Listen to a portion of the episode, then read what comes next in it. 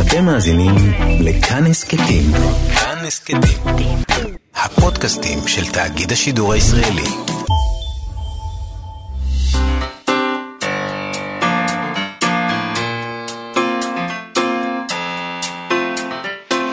מה שכרוך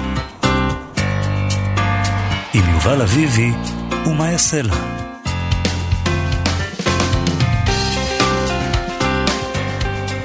רגע, המיקרופון ברח לי, מה היה?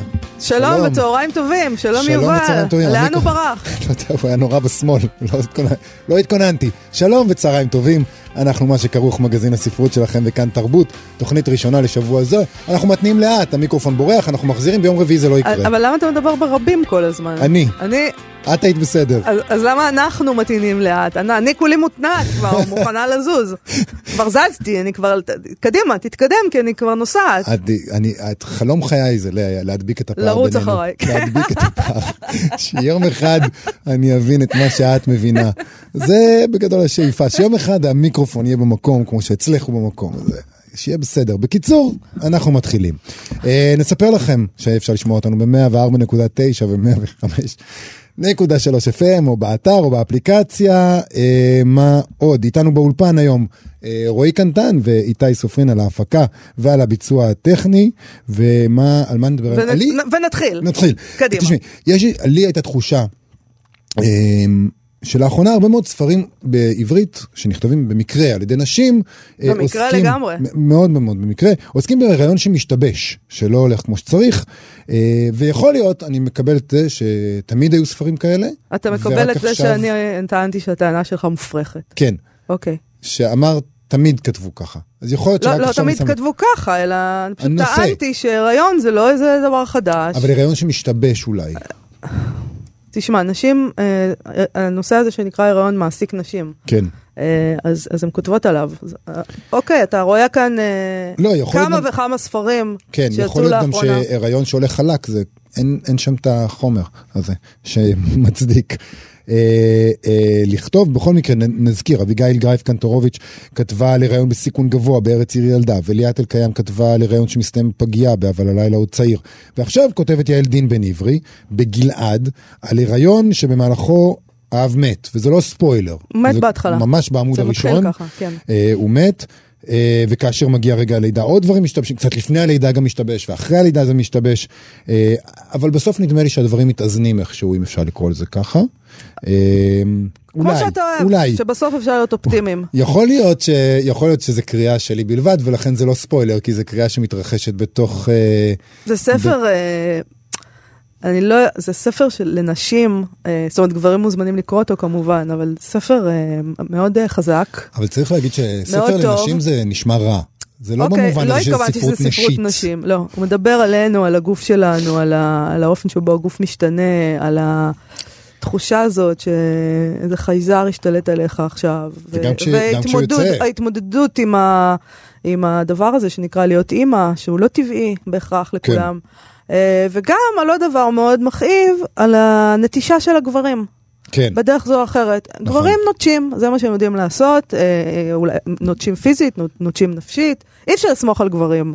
את לבד שם, עד עם הילד. לרמה שכבר אה, יש כמעט ציפייה בספר הזה לאיזה נטישה גברית כזאת ואיזה רצון שזה כבר יקרה. וגם יש את הדבר הבאמת. חזק, אני באמת לא יודעת אגב אם העניין הזה עם ספוילרים, אתה יודע, כאילו שזה סרט קולנוע, כן, אני לא יודעת אם אה, אני, אנחנו אמורים להתחשב בזה, אבל העניין של המגדר כן. הוא מאוד מאוד חשוב. היא לא, אנחנו- מנסה בספר זה לא הזה, ספוילר.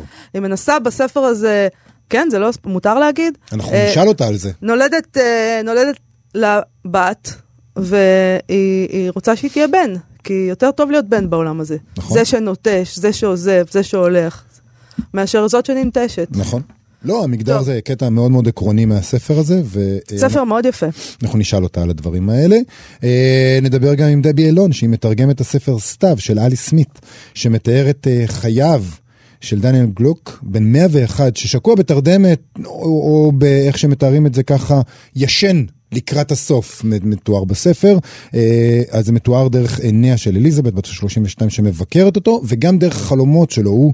אה, הוא בעצם יש לו עדיין תודעה. יש לו עדיין תודעה, הוא עדיין. איך- אה, כן, יש לו מין תודעה כזאת, סוריאליסטית, מימד נכון. אחר, עולם השינה הזה נקרא לזה, והספר הזה שמדבר על התקופה שאחרי משאל הברקסיט בבריטניה, נפתח במשפט, זה היה הרע שבזמנים, זה היה הרע שבזמנים.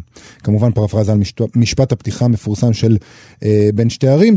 אה, שם זה, זה היה הרע שבזמנים, זה היה הטוב שבזמנים, אה, כאן דיקנס, מוותרים. כן? כן, כאן מוותרים על הטוב, כאן זה רק הרע- רע. רע, רע הרע- ורע. הרע ורע. כן. אז אנחנו נשאל, אני חושב שאני אשאל את דבי אילון, מדוע לפי דעתה סמית בחרה לפתוח ככה את הספר? אוקיי, אבל נתחיל עם קצת פרסים, עונת הפרסים אה, נמשכת. בנימין שבילי הוא חתן פרס ניומן לשנת תש"פ.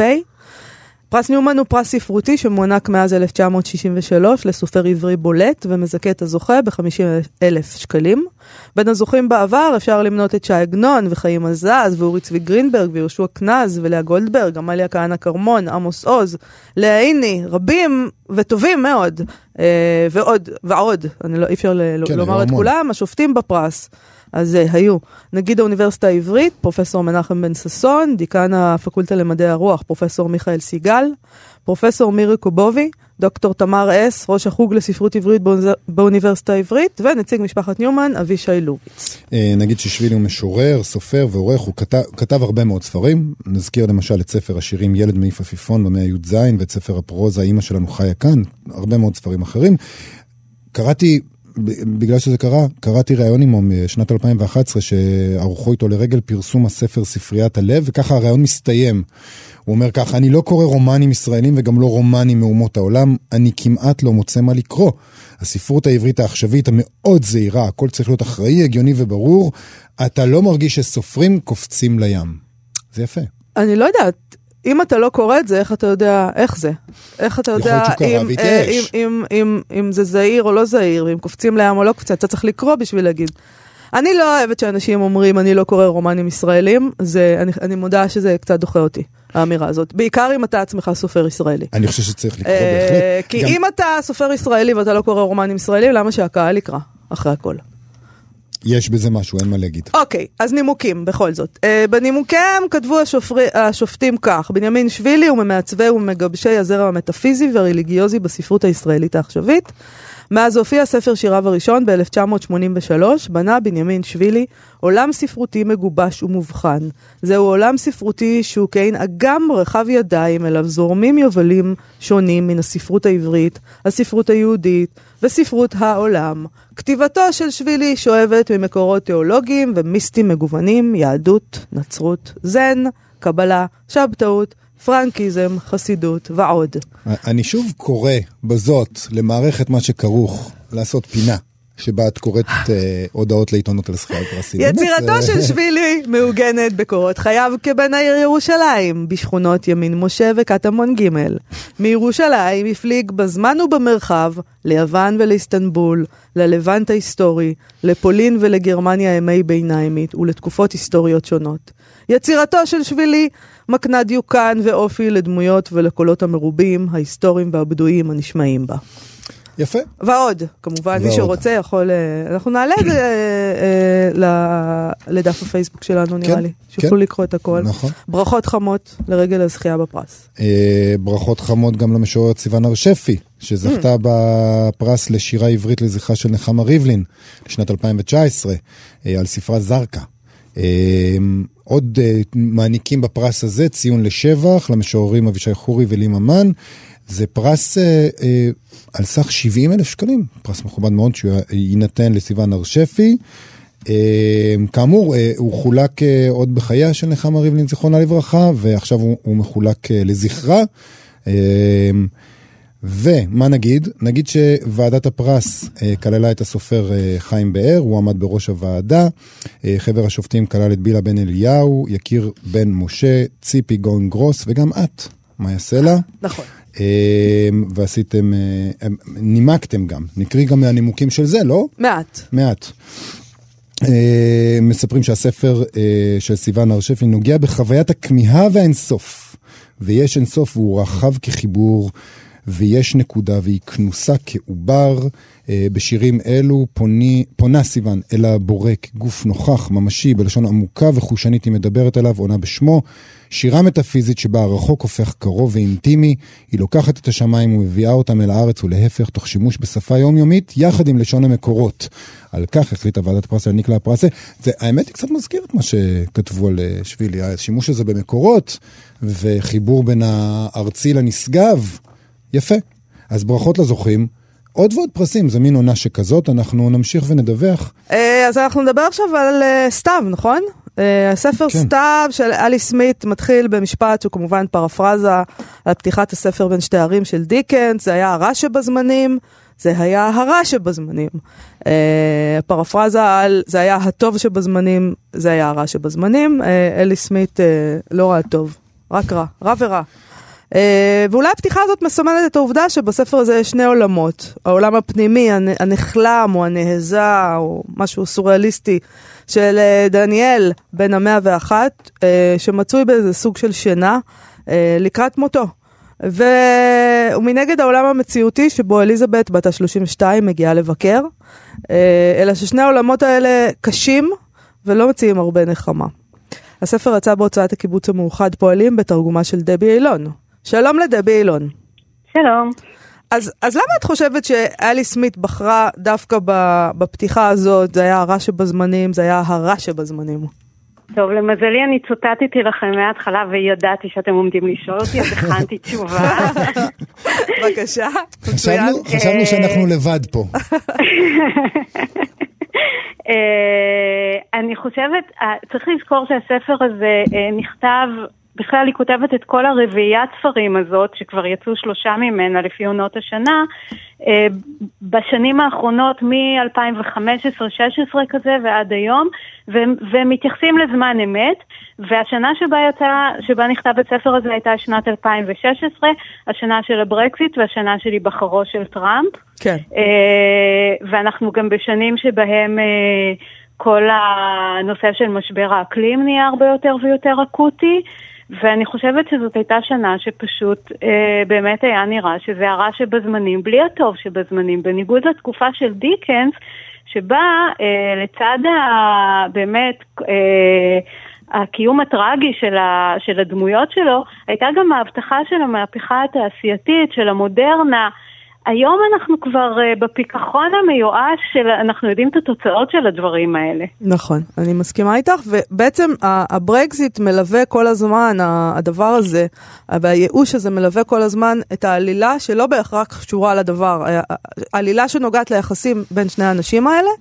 שליד זה יש את, ה, את הייאוש הזה, אני, אני רק אקרא, כי זה מאוד מצא חן בעיניי, mm-hmm. האימא הזאת שאומרת לאימא שלה, אני מותשת מהחדשות, אני מותשת מאיך שהן הופכות דברים למרעישים, אפילו שהן לא, ומתייחסות בצורה כל כך פשטנית למה שמחריד באמת.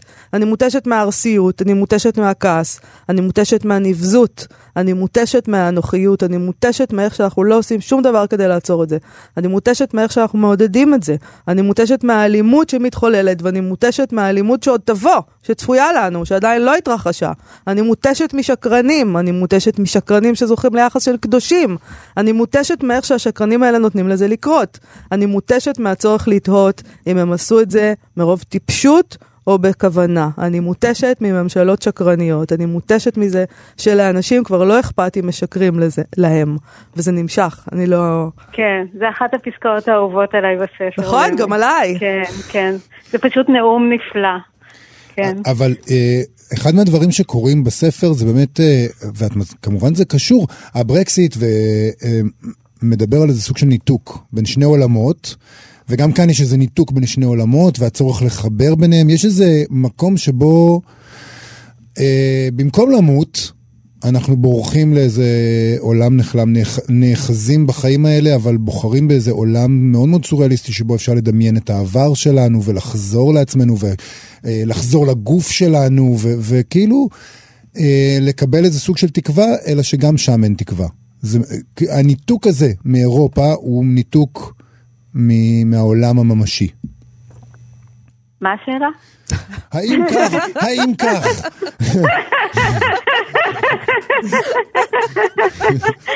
אה, האמת שאני לא בטוחה שאני מסכימה איתך. זאת אומרת, אני חושבת שדווקא במצב הזה שדניאל אה, שוקע בתוכו, הוא מוצא איזה חיבור חדש לעצמו, אה, לעבר שלו.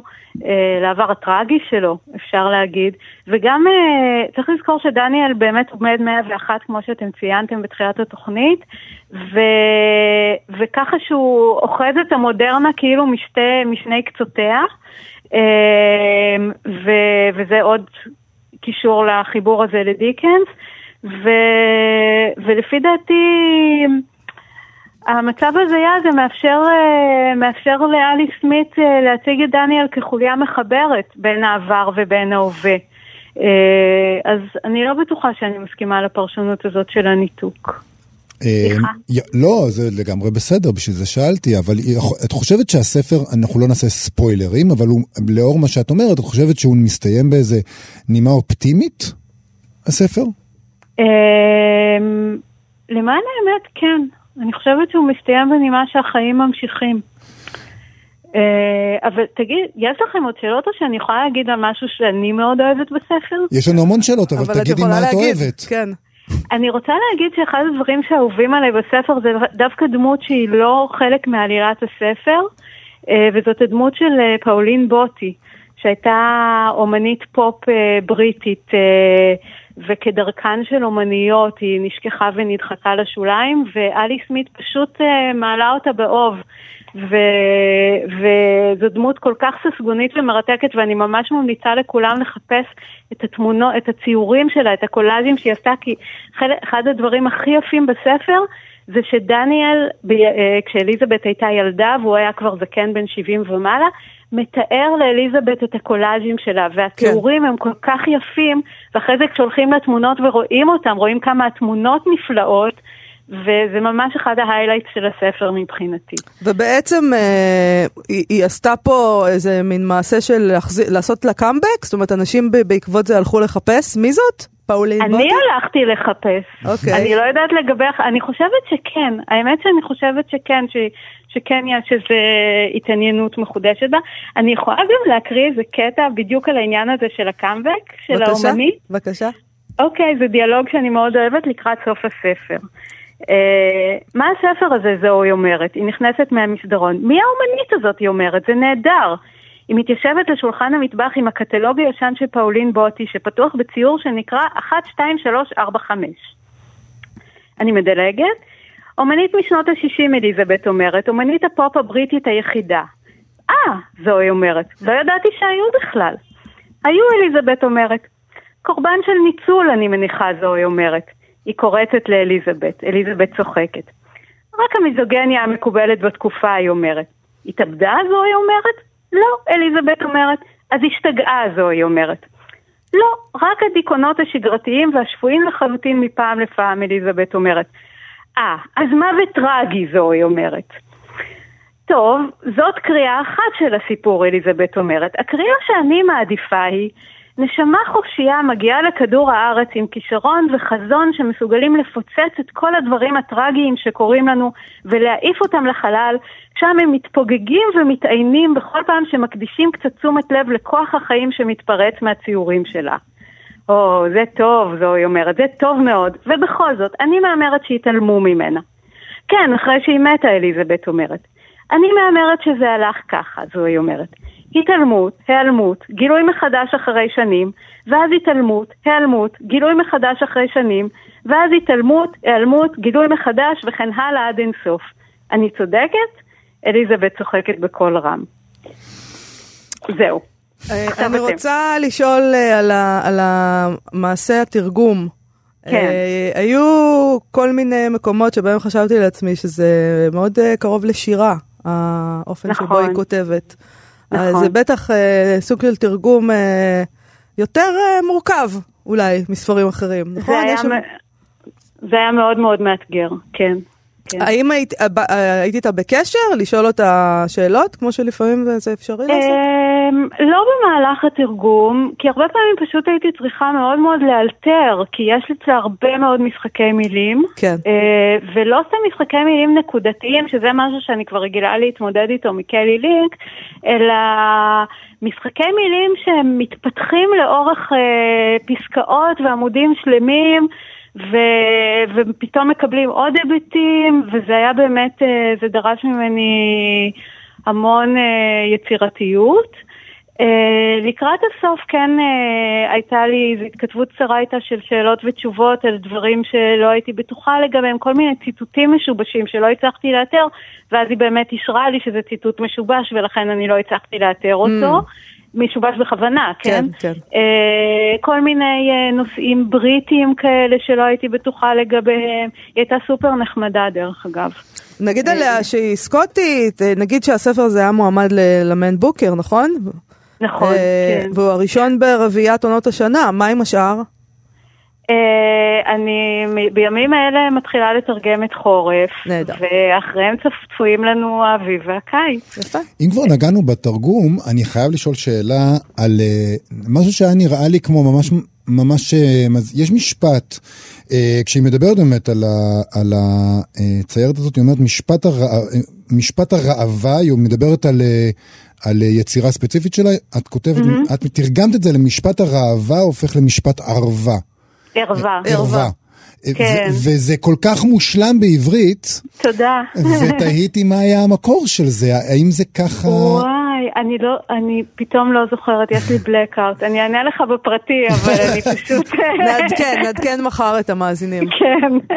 אני רוצה לשאול עוד שאלה אחרונה לסיום. מעבר לאומנות שהיא חלק מהספר הזה, גם הספרות היא חלק מהספר הזה. אה, דניאל מלמד את אליזבת איך לקרוא, הוא בעצם נכון. אומר לה שחייבים לקרוא, אה, לא רק הפתיחה, ותמיד כשהם נפגשים, השאלה הראשונה שלו היא מה את מה קוראת. את קוראת.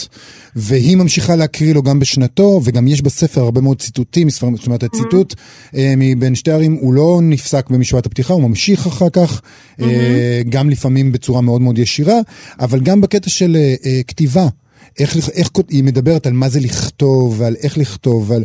אז גם הדבר הזה הופך לפי דעתי גם את התרגום, אבל גם בכלל את הקריאה למשהו יותר מורכב. זה בעצם, זה הופך את זה, ל, זה הופך את זה לספר לכותבים, לספר, ש, ל, למה שנקרא מיטיבי קרוא. כן, אני מסכימה, אבל קודם כל אני חושבת שיש הרבה מיטיבי קרוא. דבר שני, אני רוצה להעיר על משהו שאמרת קודם, על זה שספר שנכתב לנשים זה נשמע רע. אהה. אה, אני רוצה למחות בכל מאודי על ההערה הזאת. אנחנו יותר מ-50% מהאוכלוסייה. אני חושבת שספר שנכתב לנשים זה מצוין, ותתבייש לך. אה, אה, דבריי הוצאו מהקשרם. אני לא מתכוון שספרות לנשים היא דבר רע. אני אני אומר יודעת, אמרת שכש- זה נשמע רע. כשאומרים ספרות נשים מתכוונים למשהו... אה, אני אתה- רוצה to reclaim. to reclaim. כן. גם פה יש את המקום הזה שבו הם, נגיד, הוא מדבר על, הוא נזכר בפרשת, פרשיית קריסטין קילר. אה, פרפיומיו. בדיוק, כן. מה-60's, והזווית שלה היא כמובן זווית מאוד מאוד פמיניסטית אה, של אלי סמית, של, של התיאור נכון. של הדבר הזה, וזה נפלא. אני רוצה להגיד שסתיו של אלי סמית זה ספר נהדר.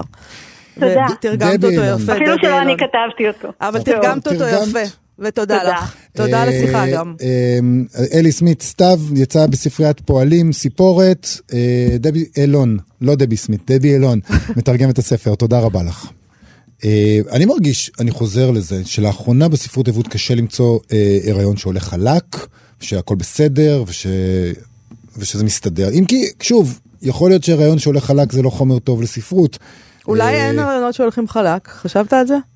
יכול מאוד זאת אומרת, להיות. הריון זה מין דבר ש- שקורה לנו, הנשים, והוא קשה, והוא מורכב, והוא מטלטל, והוא כל מיני דברים. וזה פשוט לא... אם תשאל אישה על ההיריון שלה ועל הלידה, תמיד תספר לך איזה סיפור, אפילו אם הוא היה סטנדרטי, תמיד יהיה לה סיפור ב- שהוא בעיניה מאוד דרמטי, כי זאת דרמה. אה, אולי אתה זה הקטע פה? אתמול, אה, אני יכול לספר משהו אישי בקשר לזה. אם אתה חייב? חייב.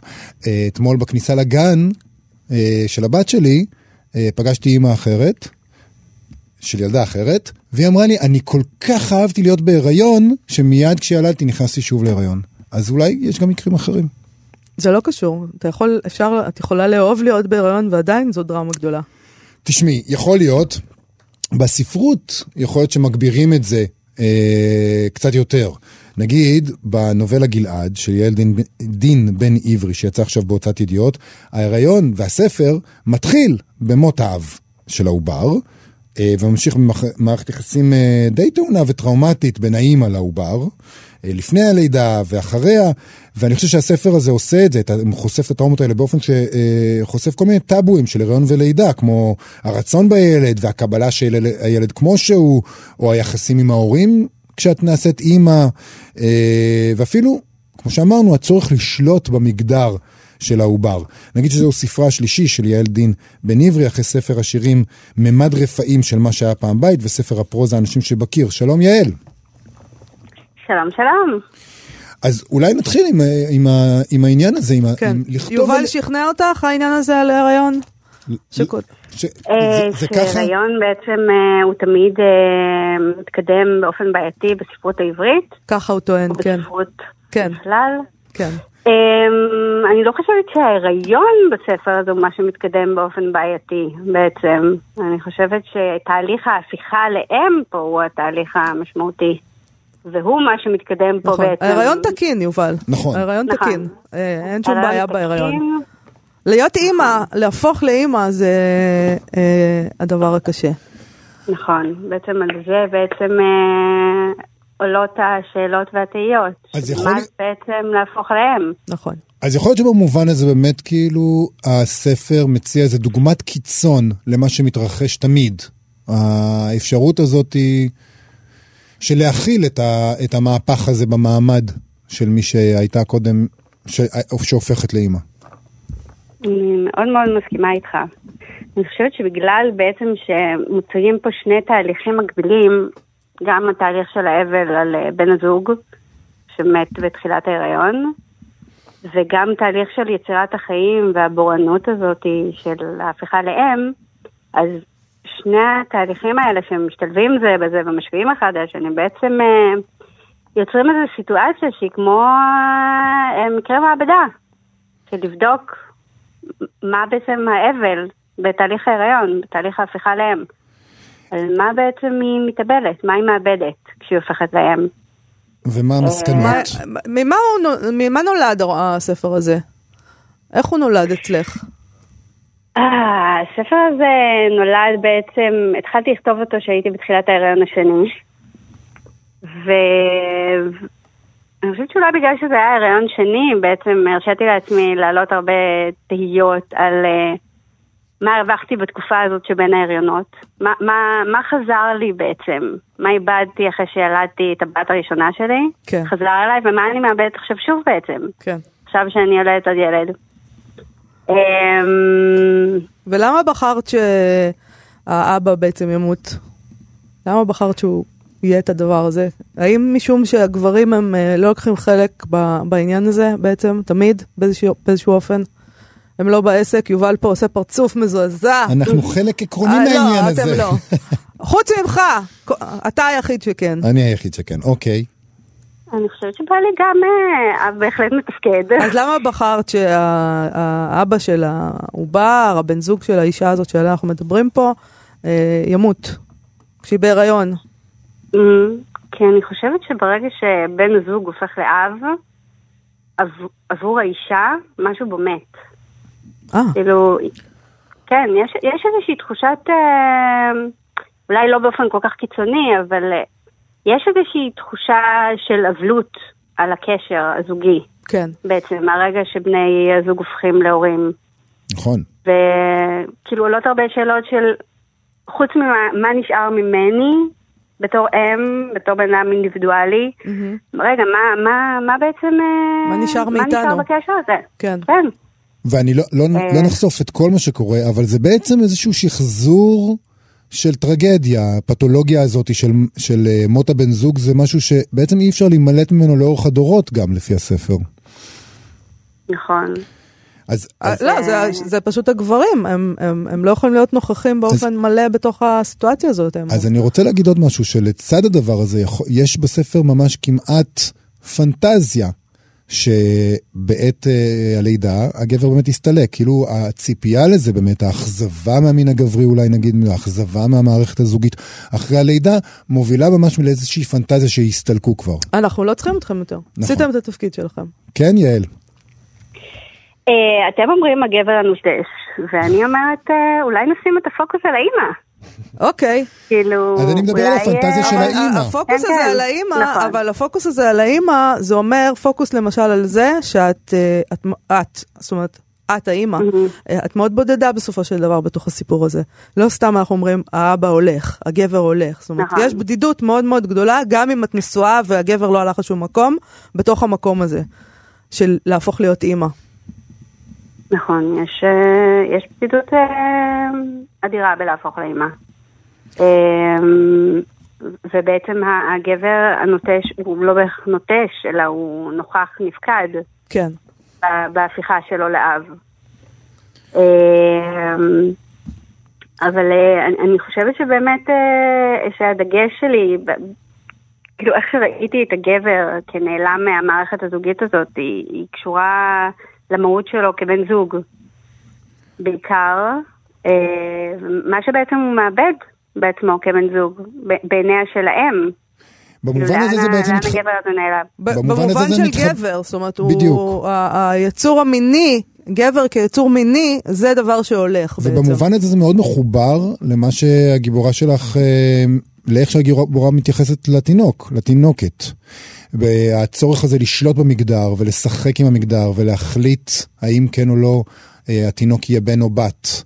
אה, זה גם מתחבר לעניין הזה, הרצון הזה אה, להחזיר אולי איזה סוג של גבריות. כן, זה מעניין, כי היא בעצם, בגלל שהיא מגדלת את הילדה הזאת באיזשהו ואקום, כלומר, היא נשארת כהורה יחיד, אז היא בעצם הופכת למעין אלוהים קטן בעולם שלה. ויש לה את האפשרות בעצם להחליט את כל מה שהיא רוצה על הילדה הזאת. אין, אין, אין פה בעצם, מישהו שיהיה הורה נגדי. כן. היא יכולה להחליט האם ללדת את הילד הזה, איך לגדל אותו, האם אולי לתת לאימא אחרת, לתת לאימא חלופית. אבל אמ, בעצם ההרגשה שלי הייתה שבגלל שהיא הופכת לאם מתוך תהליך של אבלות, יכול להיות שהיא בעצם אה, מנסה לגדל לעצמה איזשהו תחליף, איזשהו לגדל לעצמה מחדש בן זוג דרך ההורות הזאת. כאילו אם איבדתי את, אה, את בעלי לאבהות, ואני אגדל- לי איזשהו תחליף גברי אחר.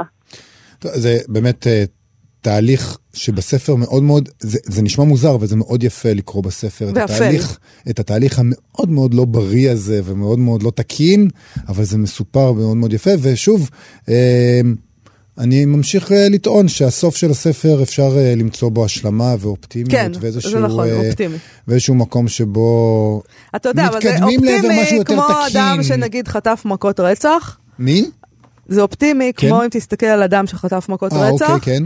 וזה לא הרג אותו, הוא קם, הוא תמיד יהיה לו צלקות, והוא, כן, כי- אוקיי, הוא בסוף קם, אלה נחמד, החיים, אופטימי. אלה החיים, מאיה. נכון. אנחנו חוטפים מכות, ואז אנחנו מתרוממים וממשיכים ללכת. בעיקר אתה. בשתיקה ובצער נושאים את עצמנו אל עבר השקיעה. אה, יעל דין בן עברי, תודה רבה לך על השיחה הזאת. אה, גלעד יצא עכשיו בהוצאת ידיעות ספרים. תודה רבה. תודה. תודה רבה לכם. סטטוס ספרותי היום של אה, הסופר ני- ניצן וייסמן, אה, עם קצת עצות לסופרים ובכלל, אה, של אה, פסואה ושל רונסון, סופר ידוע, שכדאי לחלוק. ניצן וייסמן כותב כך, כלומר פסואה.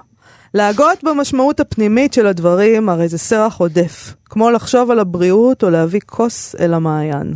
המשמעות הפנימית היחידה של הדברים היא בכך שאין להם שום משמעות פנימית. מעולם לא שמעת את הרוח עובר, הרוח מדבר רק על הרוח. מה ששמעת אותו אומר היה שקר, והשקר הוא בתוכך. ואז הוא מביא את uh, W.B. רונסון מתוך תעתועים, שכתב כך: אנשים שואלים, מה הדרך הטובה ללמוד לכתוב ואיך יהפכו לסופרים מפורסמים? ואני אומר להם, החסר רעש בעולם, החסרות מילים מיותרות, החסרים ספרים שאין לאיש חפץ בהם. ולמתעקשים אני אומר, הדרך לארץ הכתיבה עוברת דרך 40 שנים ארוכות במדבר האי כתיבה. כלומר, העצות שהוא נותן זה אל תכתבו ויש בתוככם שקר, השקר בתוככם. כן. האמת שזה לא רע, זה נכון, אל תכתבו. אה, כן. רק 40 שנה. אחרי זה. אחרי זה אפשר להתחיל. נעשה עוד סטטוס אחד קצר? כן, בבקשה. קצרצר אפילו, חייבים אנא להקריא. ממך. אוהד מילך אה, כותב, אוקיי, אז למפקד מג"ב קוראים יעקב שבתאי. אני חושב שהדבר היחיד שהיה יותר משמח אותי, אם למתאם הפעולות בשטחים היו קוראים פרנץ קפקא. אני חושב שזה סטטוס נהדר. אבל אני חושב שלא צריך לעצור שם, צריך כאילו להמשיך את הדבר הזה, מה יגרום לך עונג לגלות? נגיד צנזור ראשי שיקראו לו חנוך לוין. או יועץ ראש הממשלה, שיקראו לו שאנץ גרדינר, אה, שזה הדמות הראשית מלהיות שם של יאז'י קושינסקי.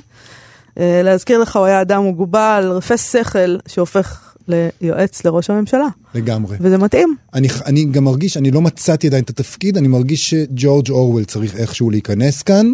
אני לא מצאתי לו עוד תפקיד, אבל, אה, אבל אני חושב שכדאי שגם בנושא הזה יעבדו. למצוא תפקיד לג'ורג' אורוול איפשהו בשלטון. בסדר, נעבוד.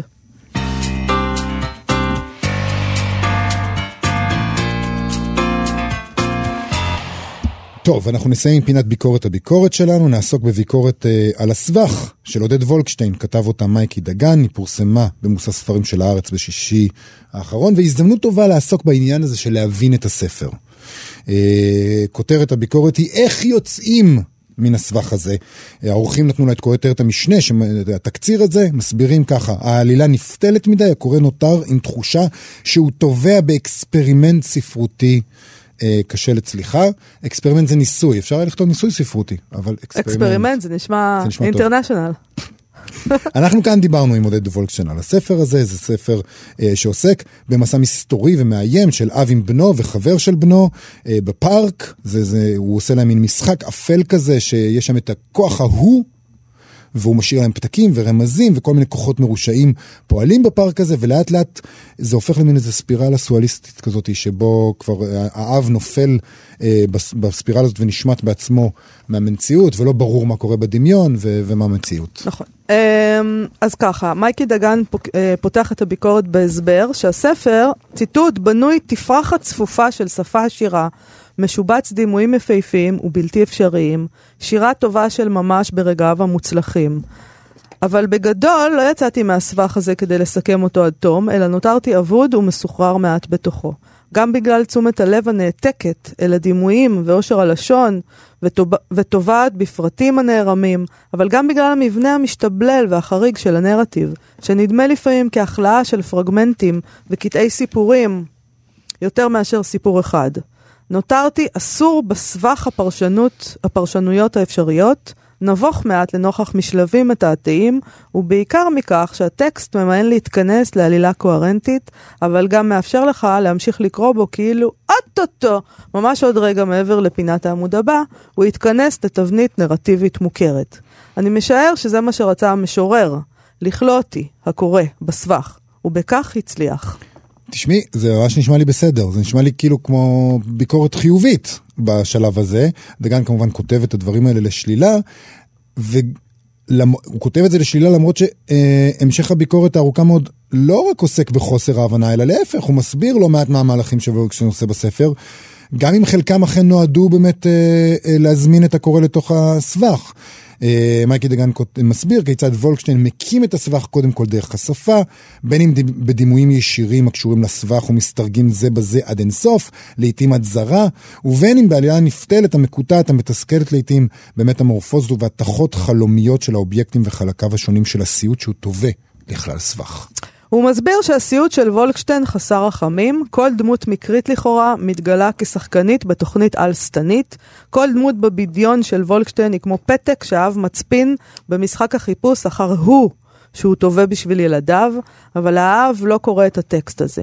הוא מבין שהילדים נלקחו בידי כוחות אפלים, או לפחות כך נדמה, שגם הוא בידיהם כעת, רק בדיעבד. יחד איתו, דרך הכרתו המעורפלת, אנחנו צוללים לסיוט. כן. מייקי דגן מדבר על המתח הזה שבתוך הסיפור, שגם אני מאוד הרגשתי אותו כשקראתי את הסבך. זה לא רק בתוך הסיפור, זה גם בתודעה של הקורא. בין לקבל את העלילה כפשוטה, שבה הפארק באמת מקום, מתברר כמקום אפל, שיש בו טקסים משונים ואלימים, לבין התחושה, הפרשנות, שכל זה מתרחש בנפשו המיוסרת של האב, אה, שכל זה לא קורה במציאות חוץ מאשר בראש שלו. אה, ובקיצור, עיקר הביקורת הוא ניסיונות של דגן כן להסביר את מה שוולקשטיין עושה, ואפשר להתווכח עם הפרשנות שהוא עושה, או ללמוד ממנה, או להגיד שהיא לא מספיקה, או כל מיני דברים, אבל היא מעידה על הבנה כלשהי של חלק ניכר מהמרכיבים של הספר, מה שאצלי מעורר את התהייה, למה, מדוע חשוב לו כל כך להצהיר על חוסר הבנה? אוקיי, okay, בעיניי זה דווקא בסדר גמור. אה, אולי הוא מרגיש שהוא החמיץ משהו, אולי הוא הרגיש שזה גבוה מדי. אה, אולי הוא מרגיש שהוא לא נהנה מכל הדבר הזה, ולכן הוא חושב שהוא לא הבין. אולי הוא הבין, אבל הוא לא הבין עד הסוף, אולי הוא מודע לכך, או מרגיש שיש פה כמה וכמה שכבות, אתה יודע, שהוא חדר והבין רק חלק. אה, אני לא חושבת שזה דבר משונה להרגיש, אולי הוא הרגיש מבוכה. יכול להיות. פשוט מבוכה, ו- או אבל, פחד. אבל זה דווקא דבר נהדר שספר אימה יכול לעשות. נכון, אבל, אבל בסופו של דבר יוצאת מזה ביקורת שלילית, ואני חושב שהעניין הזה... אני חייב להגיד שהעניין הזה... אגב, אתה חושב שהביקורת הייתה שלילית, או אולי הכותרת והמשנה היו שליליים?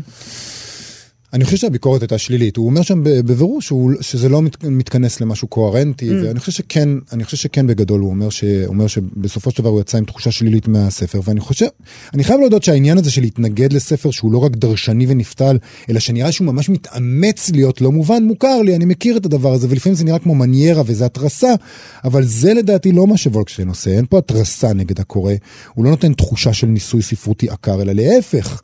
אם כבר, אז הוא באמת מדמה את הכתיבה למעין סבך, כדי להעביר לקורא משהו מהעולם המסויט הזה שהגיבור שלו נקלע אליו. ושנית, אני חושב שבסופו של דבר הספר, גם אם הוא מופשט מאוד ומורכב מאוד לפרקים, נותן כיוון פרשני מאוד ברור לקורא. זאת אומרת, כן ברור לאן הוא הולך. תשמע, אני, אני חייבת להגיד לך שאני לא חושבת שהספר של וולקשטיין זקוק להגנה מהסוג הזה. אה, אני חושבת שהוא באמת ספר מאוד מורכב ומאוד מסובך, וזה לא קללה, מותר לומר את זה. ואם מישהו לא נהנה מהסבך הזה, למרות שאתה יודע, זה שהוא טוען שהוא עדיין בסבך, יופי. כן. ספר הזה... זה בדיוק העניין. עשה את שלו. זה בדיוק העניין. אני חושב שהרבה מאוד אנשים נרתעים מספרות דורשנית, מעלילה כזאת סבוכה ו- ומופשטת. הם נרתעים מהאפשרות של לא להבין את כל הספר. Uh, במובן הזה אולי קל כמבקר לפעמים uh, להצטרף אל הקוראים האלה ולתאר את הטקסט כבלתי צליח. איזה, uh, יש כאן סתירה מובנית בין הניסיון לפענח את הטקסט לבין ההגדרה של הטקסט הזה כאיזה משהו עילאי ומתנשא שלא נועד uh, לקוראי ספרות אלא לחוקרי ספרות, כן? כן. ו, וההתייצבות הזאת של המבקר לצד הקהל הרחב, כאילו כולכם, אני איתכם, אני בשירים הפשוטים, כן? כמו שדגן כותב בסוף, בסוף הביקורת, אם יצאתם אתם מן הסבך, ספרו לי כיצד. בינתיים אני יושב כאן בצל הכדור הפורח בסבך, בחושך ומחכה. אני אומר, גם אם לא הבנו את הכל, גם לחוסר הבנה יש ערך בקריאה. אפשר פשוט לא להבין את הכל, סתם לנסות לראות מה הטקסט גורם לך להרגיש. אני באמת חושבת שזה מאוד יפה שמייקי דגן כותב שהוא יושב שם בסבך בחושך ומחכה.